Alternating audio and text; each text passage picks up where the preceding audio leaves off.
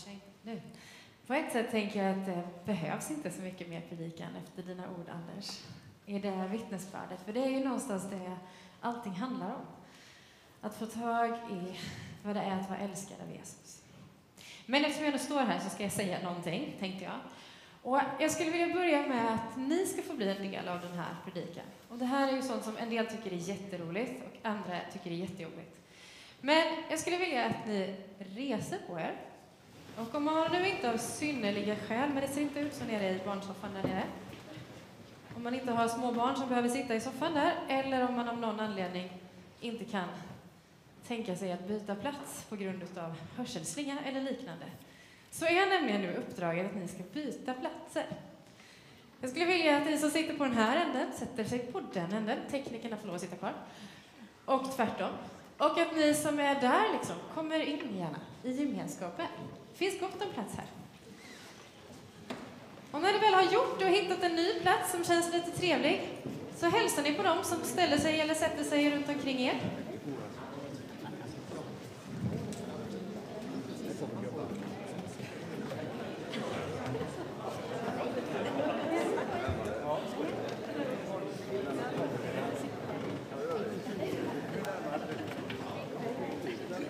Ni som är med hemifrån får väl byta plats med någon där hemma. Jag vet inte hur ni löser det på ett bra sätt.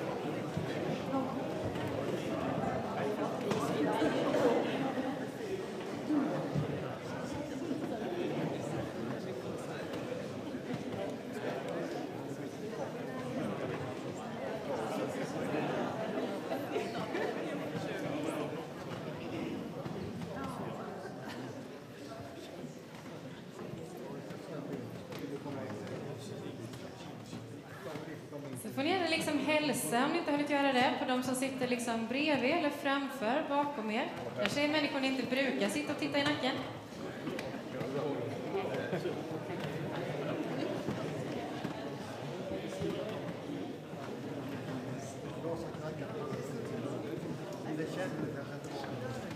Nu tror jag att alla har hittat en plats.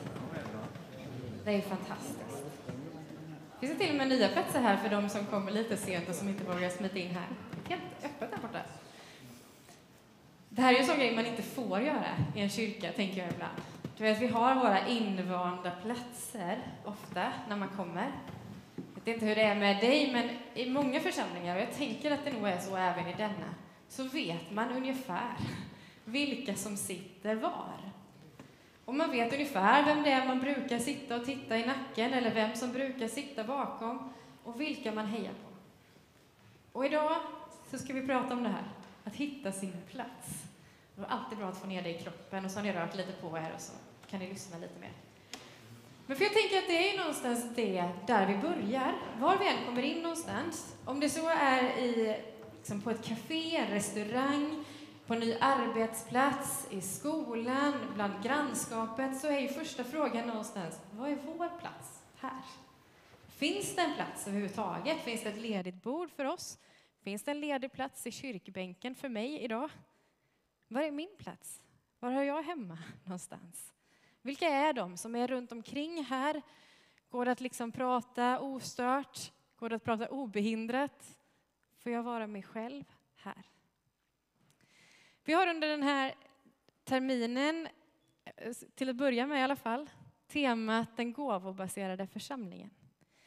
Och en av grundtexterna för det, liksom, som vi har tagit med oss in i detta, är just när Paulus pratar om församlingen och talar om det som en kropp. När han talar om att vi alla har våra olika gåvor, förmågor, egenskaper, kunskaper med oss och där vi är en del av en kropp.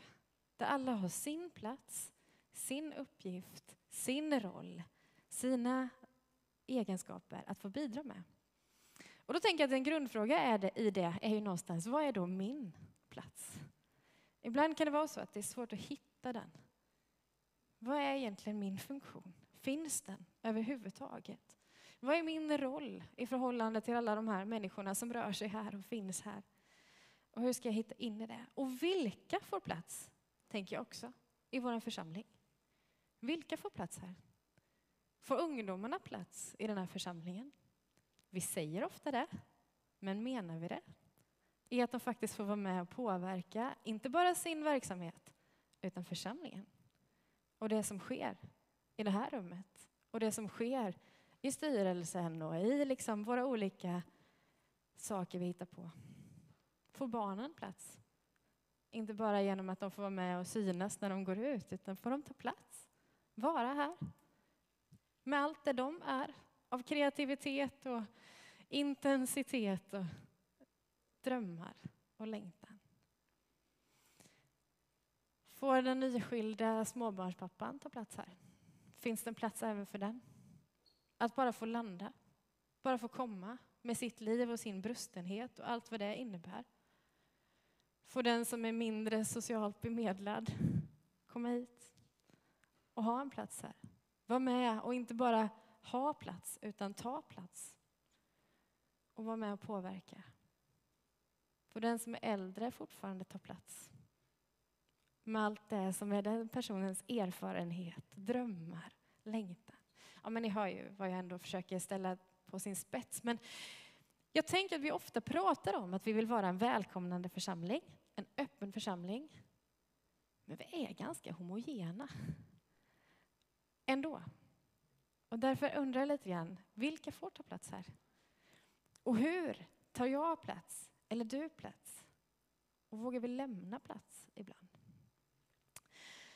Jag ska gå in i detta med en bibeltext som grund, men innan jag gör det så vill jag också bara liksom få slå fast lite grann det som Anders är inne Nu satt han alldeles nyss där, nu gör han inte det längre. Det blir genast förvirrat. Där sitter han.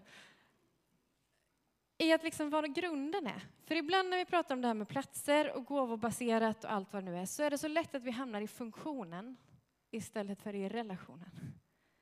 Och jag tänker att en församling kan aldrig handla om sin funktion i första hand. Du måste alltid börja i en relation. En relation till varandra och ännu mer till Jesus. Det är det allting utgår ifrån. Och tappar vi det, då spelar det ingen roll. Då är vi bara en verksamhet. Då är vi bara en förening. Församling är något annat. Det börjar i en relation till Jesus. Funktionerna är på ett sätt en biprodukt av det. Men ofta så blir det liksom att vi sitter där och jag tänker på er stackars valberedning som sitter med den otacksamma uppgiften att liksom kolla på alla poster som måste fyllas. Och att det blir liksom lätt där vi tittar, vad saknar vi nu? Och så fastnar vi i funktionerna. Jag tänker att om vi som församling fastnar i det och tappar liksom det väsentliga, då blir det ganska statiskt. Det blir inte särskilt levande, utan det blir verksamhetsfokuserat.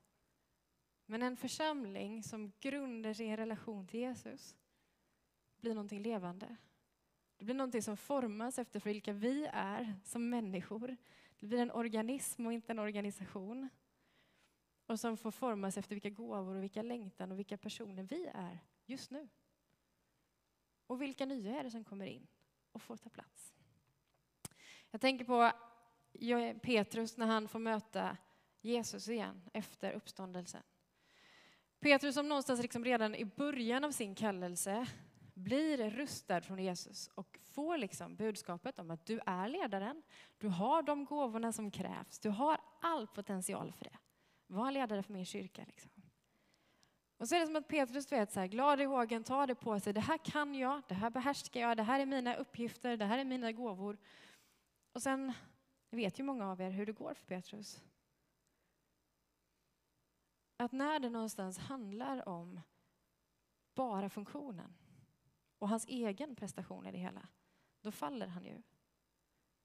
Och så förnekar han att han någonsin har känt Jesus.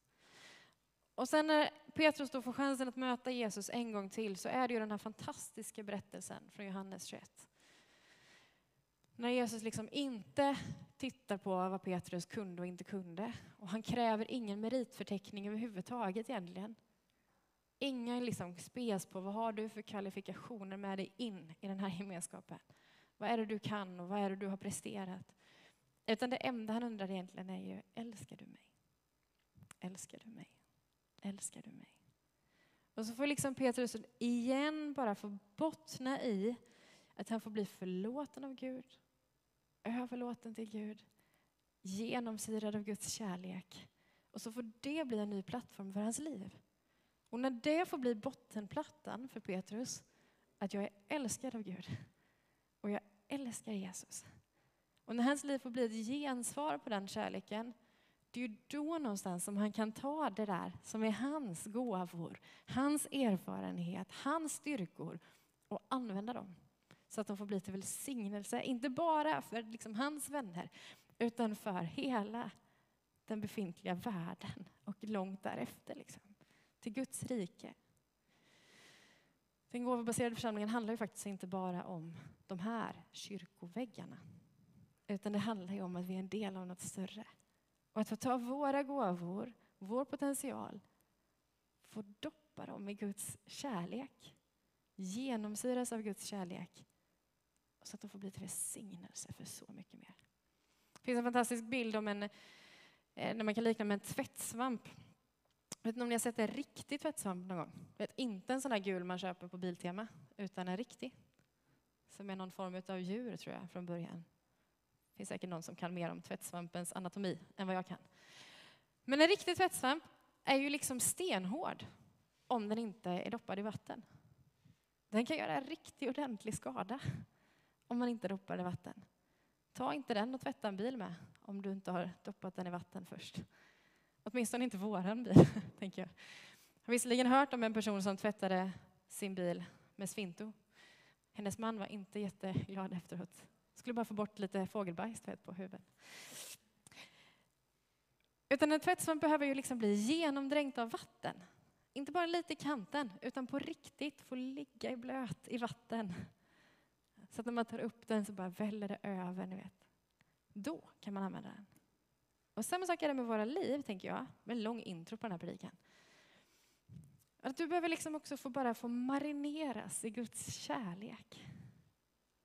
Att bara ta liksom ditt liv och dina gåvor och använda dem, och speciellt de andliga gåvorna, kan göra ganska mycket skada i andra människors liv om de inte får genomsköljas av Guds kärlek först.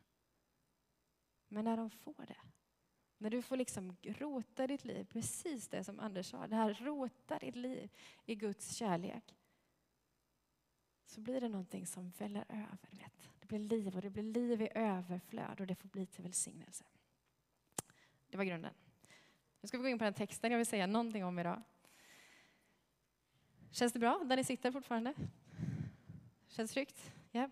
Jag tänker att det intressanta också med att byta plats är ju att man kan få lite nya perspektiv, faktiskt. Du vet, man ser lite nya saker. Oj, ser den här kyrksalen ut så här från det här hållet? Kanske du aldrig ens har upptäckt. Taket är högre än vad man tror när man sitter där ute till exempel. Visste man inte. Eller det finns fina fönster där borta som man kan titta på när man sitter här. Ja. Nya personer. Vi ska läsa lite om vad som händer med Petrus och de andra lärjungarna. Därför att Petrus då, om vi nu har honom som grund, han vet vad han är bra på. Han har fått det bekräftat, han har fått sina gåvor liksom märkta av Jesus. Han har fått bli marinerad av Guds kärlek. Och så går liksom tiden efter Jesu död och uppståndelse.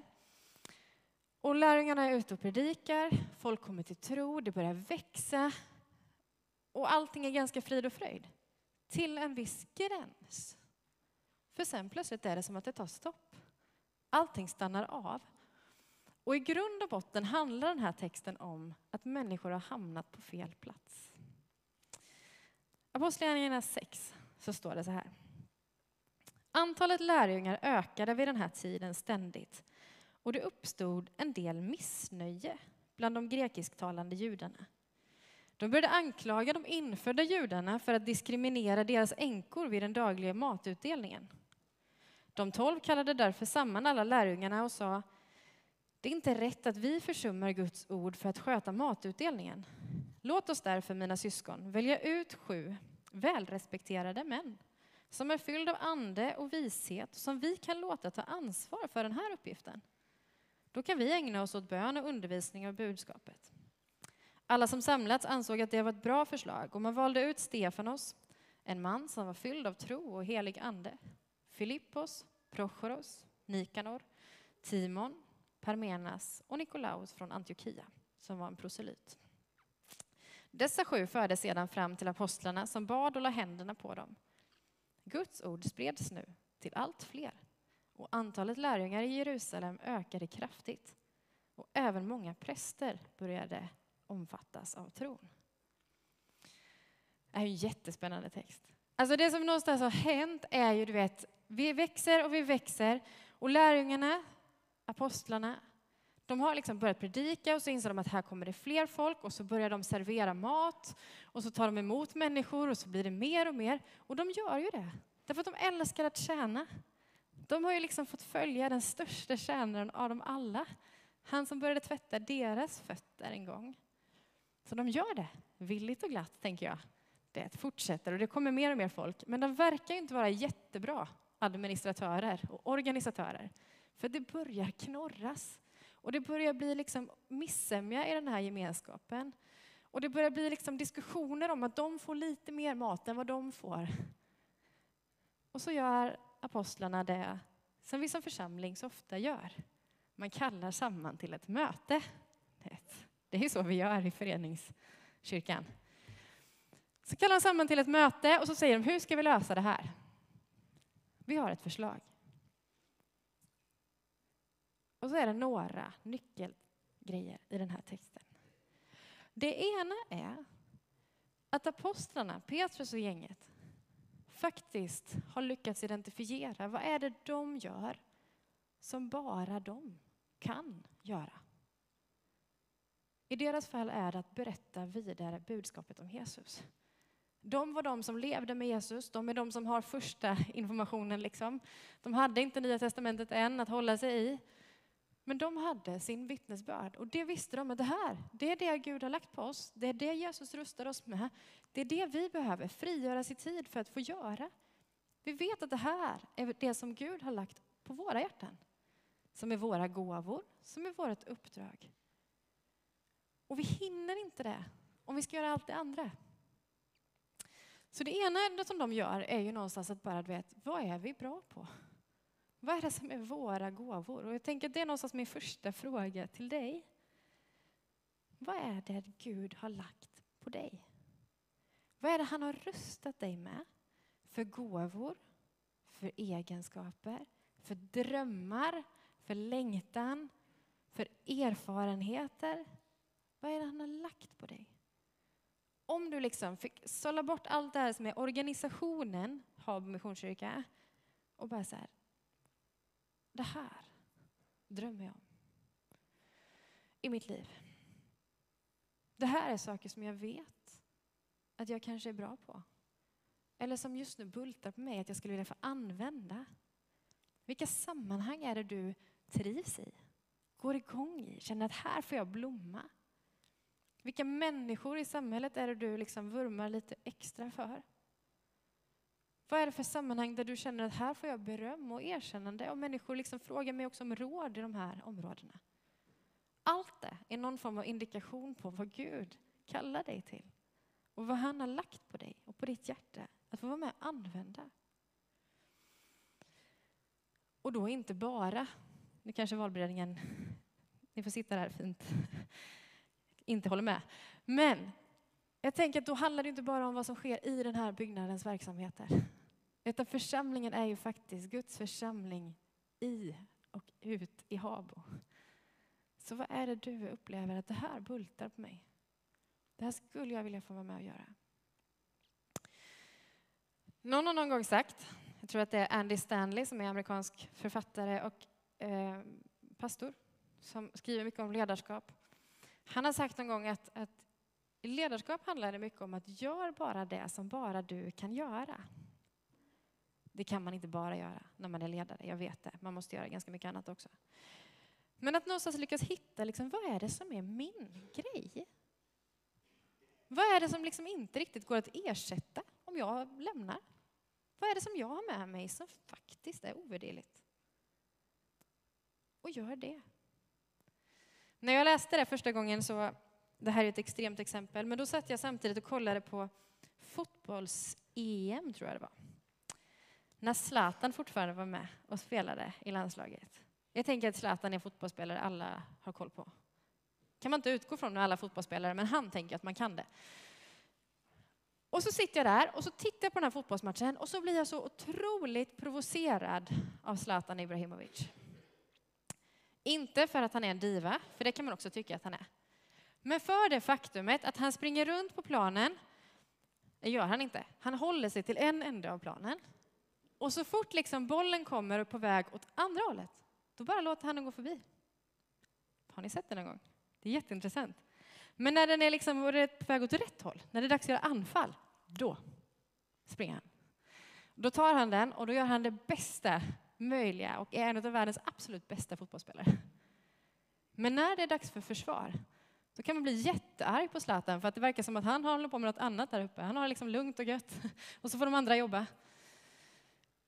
Och så sitter jag och blir jag jätteprovocerad av honom och sen inser jag ju att det var ju precis det här jag läste om. När det handlar om att göra det man kan göra. Zlatan har ju fattat hela grejen. Han har ju fattat vad är det som är min kompetens. Vad är det jag är bra på? Vad är det jag faktiskt har för gåvor? Och så vårdar han dem. Och så gör han det absolut bästa av det han har. Men han springer inte runt och gör en massa annat. För då hade han varit helt slut sen. Då hade han inte längre kunnat vara den bästa på den position han har. Är ni med på en lite haltande bild? Men jag tänker att det han fattar och varför jag också tänker att han har varit lagkapten under lång tid är ju därför att han vet vad det handlar om, att ge plats åt dem som är bra på det de är bra på. Och låta dem få springa där. Och så tar jag ansvar för det jag är bra på och så springer jag där. Så att hitta sin plats handlar ju både om att våga ta plats. Att våga ta plats är det du bultar för. Är det du Gud har lagt i dig. För han har lagt så mycket gott i dig. En församling är inte komplett utan sina olika människor. Man kan ju tänka att han kunde ha hittat på ett annat sätt för det verkar lite bökigt med församling. Men ändå är det som att det är så han har tänkt. När han säger att jag kallar det till min avbild så är det att han gör det tillsammans. Er tillsammans är en avbild av Gud. Tillsammans är vi med och förmedlar någonting från Gud. Och han har lagt någonting i dig. Hitta det. Vårda det. Och vet du inte vad det är så be någon som känner dig tala om det för dig. För ofta har andra bättre koll på dina gåvor än vad man själv har. Det här blommar du i. Här. Men den andra delen av det är ju det som både Petrus fattar och Zlatan fattar. Är att också jag kan inte göra allt. Jag kan inte springa runt i allt. Och en del av oss behöver förstå det. Många av oss behöver förstå att man måste våga ta plats. För den här församlingen är vår gemensamma plattform. Och vi är gemensamt sända till Habo. Men en del av oss behöver också förstå att jag kan inte göra allt. Och jag är inte kallad att göra allt. Och ibland måste jag avstå från vissa platser. Därför att det faktiskt kanske inte är det jag är bra på. Men framförallt innebär det att då är det kanske någon annan som inte får möjlighet att kliva in i den platsen. Hade Zlatan sprungit på varenda boll hade han dränerat både sig själv och laget och Sverige hade inte alls varit så bra som man var när han var med. Hade Petrus och de andra lärjungarna fortsatt liksom med att göra det som inte egentligen var deras huvuduppgift så vet inte jag om evangeliet hade spridits som det gjorde. Någonstans handlar det också om att få ge plats åt andra. Och i texten från Apostlagärningarna så är det ju, det som är så fint i den här är ju att de inte bara säger, vet, vi behöver en uppgift här som vi behöver lösa, har vi några frivilliga? Det är ju inte det de gör, utan de säger utse sju stycken som har liksom gott anseende, som ni har förtroende för, men som också känner Guds hjärta. Du vet, som älskar Jesus och som gör det av kärlek till Jesus. Inte av tvång, utan av kärlek. Det är kvalifikationen. Det finns ingenting här om huruvida de ska vara bra på att koka kaffe, hur de ska vara bra på att liksom dela ut mat. Det finns ingenting i det i beskrivningen. Sju personer som ni litar på och som känner Guds ande. Och så gör man det och det intressanta i det är ju också vilka då man väljer ut. Två av de här personerna nämns nämligen igen i Apostlagärningarna. Det ena är Stefanos, som kommer att bli en av de första martyrerna. som kommer att ge sitt liv för Jesus. Men det börjar här, i att han får börja med att ge, dela ut mat till änkorna. Där får han börja testa hur det är att tjäna. Det andra är Filippos som räknas som en av de första missionärerna runt om i världen som kommer med att sprida evangeliet långt, långt utanför Europas gränser. Det börjar i att han börjar betjäna änkorna med mat. Visst är det underbart? Att någonstans handlar det också om att när jag får ge plats för någon annan så kan det få vara ett sätt för någon att få pröva något nytt. Testa. Vad är det att tjäna? Vad är det att få pröva detta och att i det få tag i Guds kärlek och längtan vidare. Den tredje saken som händer i den här texten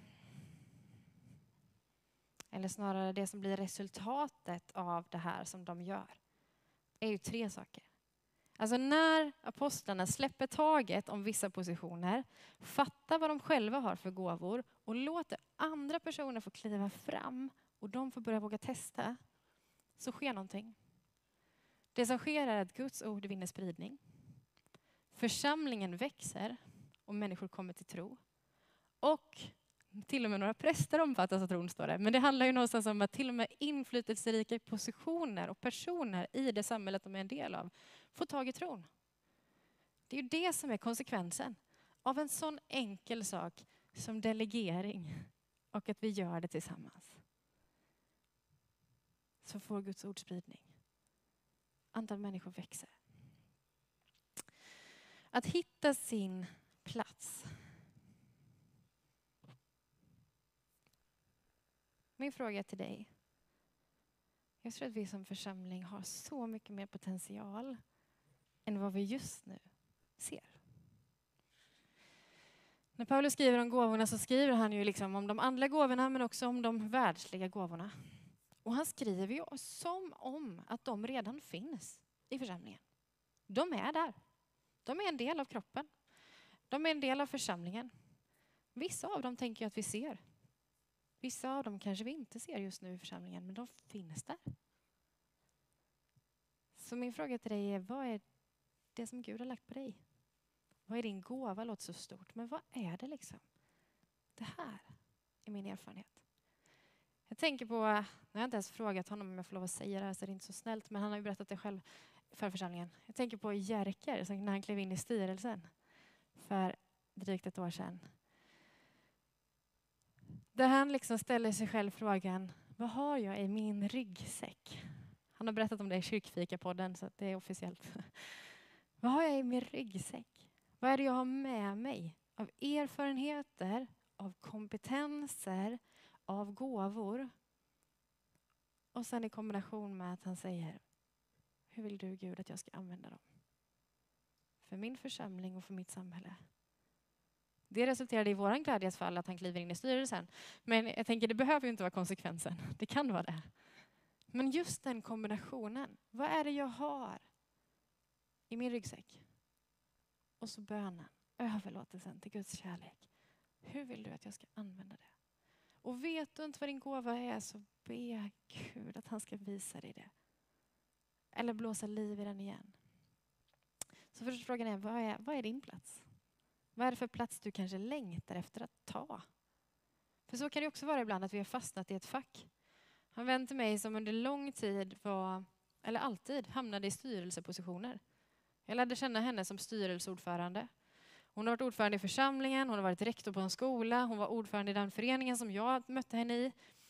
Det är alltid så här, administrativt geni var hon.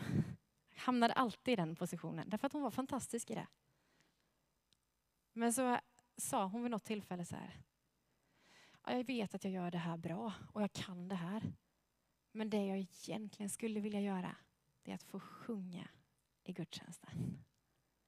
Så känner man så här, men varför har du inte, varför har aldrig någon frågat dig om det? Eller varför har du inte vågat ta den platsen? Så, så tänker jag också det kan vara. Ibland kan det vara så att man sitter fast i en roll för att man kan den. Men vad är det ditt hjärta egentligen bultar för? om du skulle få släppa taget. Och vilken plats? Det är första frågan. Och vilken plats är, andra frågan är, vilken plats är det du kanske behöver lämna? För att någon annan ska få kliva fram. För att någon annan ska få chans att växa. Och tredje, hur kan du förmera dina gåvor i någon annan? Församlingen handlar också om lärjungaskap. Det handlar inte bara om att jag ska ta plats, utan också om att jag ska få andra att växa i. Och att hur kan jag ta det jag har och få andra att träna sig det, växa i det. Jag ska alldeles strax be. Men en sak som jag bara vill få skicka med om vi tar tillbaka till Petrus när han möter Jesus. Och jag vet att jag har nämnt det här förut, men det är så bra. Därför att direkt när Petrus ställer frågan, eller får frågan, älskar du mig? Älskar du mig? Älskar du mig? Så är ju det första han gör, inte yes, nu kör vi Jesus, nu går vi ut och bara, du vet, använder våra gåvor. Utan han säger direkt, men han då? Och jag tänker att vi så ofta hamnar i det när det handlar om att hitta vår plats och våra gåvor. Att vi tittar på alla andra. För att jag kan inte lika bra som den. Det finns alltid någon som kan göra det här bättre. Eller, den borde ju inte ha den positionen i alla fall. Ni vet. Och så säger Jesus, vad rör det dig? Säger han till Petrus. Så befriande bra kommentar. Vad rör det dig? Vad spelar det för roll? Om andra gör saker bra eller inte? Jag älskar dig. Jag har kallat dig. Du ska följa mig. Jesus, nu får vi vara inför dig en stund. Eller vi är inför dig en stund. Du är ju redan här. Och Herre, jag tackar dig för den här församlingen. Den här gemenskapen som inte bara omfattas av dessa väggar utan som är din familj. Din kropp. Din liksom organism ut i Habo och vidare ut Herre, som vi får vara en del av. Herre, tack för att du vill använda oss. Tack för att du vill verka genom oss. Tack för att du älskar oss, att det är grunden för allt det vi är och allt det vi står på. Och Jesus kanske är någon här idag som känner precis det som Anders gav uttryck för, att min tro behöver återigen bara få bottna. Herre, då ber jag att du skulle få göra precis det som du gör med Petrus. Ta honom åt sidan, ta henne åt sidan och säg mitt älskade barn. Meriterna är inte det viktigaste. Det är att jag älskar dig. Du är älskad. Du får gå i min kärlek. Du måste inte prestera själv. Du älskar mig. Gör det du kan och jag kommer att välsigna det och göra resten. Men Jesus så ber jag också. Hjälp mig och hjälp oss att se vad är vår plats i det här pusslet. Sitter jag på en plats som jag inte borde ha? Hjälp mig då att se det. Att kanske se vem som skulle kunna få växa in i den platsen istället. Hjälp mig att se vilka människor jag kan få vara med och träna och uppmuntra och lyfta på ett sätt som gör att de vågar ta nya steg. Men hjälp oss också att se vad är våra gåvor och hur vi kan få blomma i dem. Herre, jag ber att din vilja skulle få ske i och genom den här församlingen. Så att vi inte bara fastnar här, utan att vi också får bli till välsignelse för så många fler. Och för den här bygden. Och för människor som finns här och bor här och för människor som just nu är på väg hit från Ukraina eller från någon annanstans. Herre, låt oss få bli till välsignelse i att vi får ta det vi har fått av dig, litet eller stort. Och så får vi använda det. Och så får du blåsa på det med din heliga Ande. Heligande, rör vid våra liv. Och tack för att vi i första hand inte kallar det till funktion utan till relation. Men när vi får älska dig och leva med dig så för du oss vidare. Led oss Herre. Amen.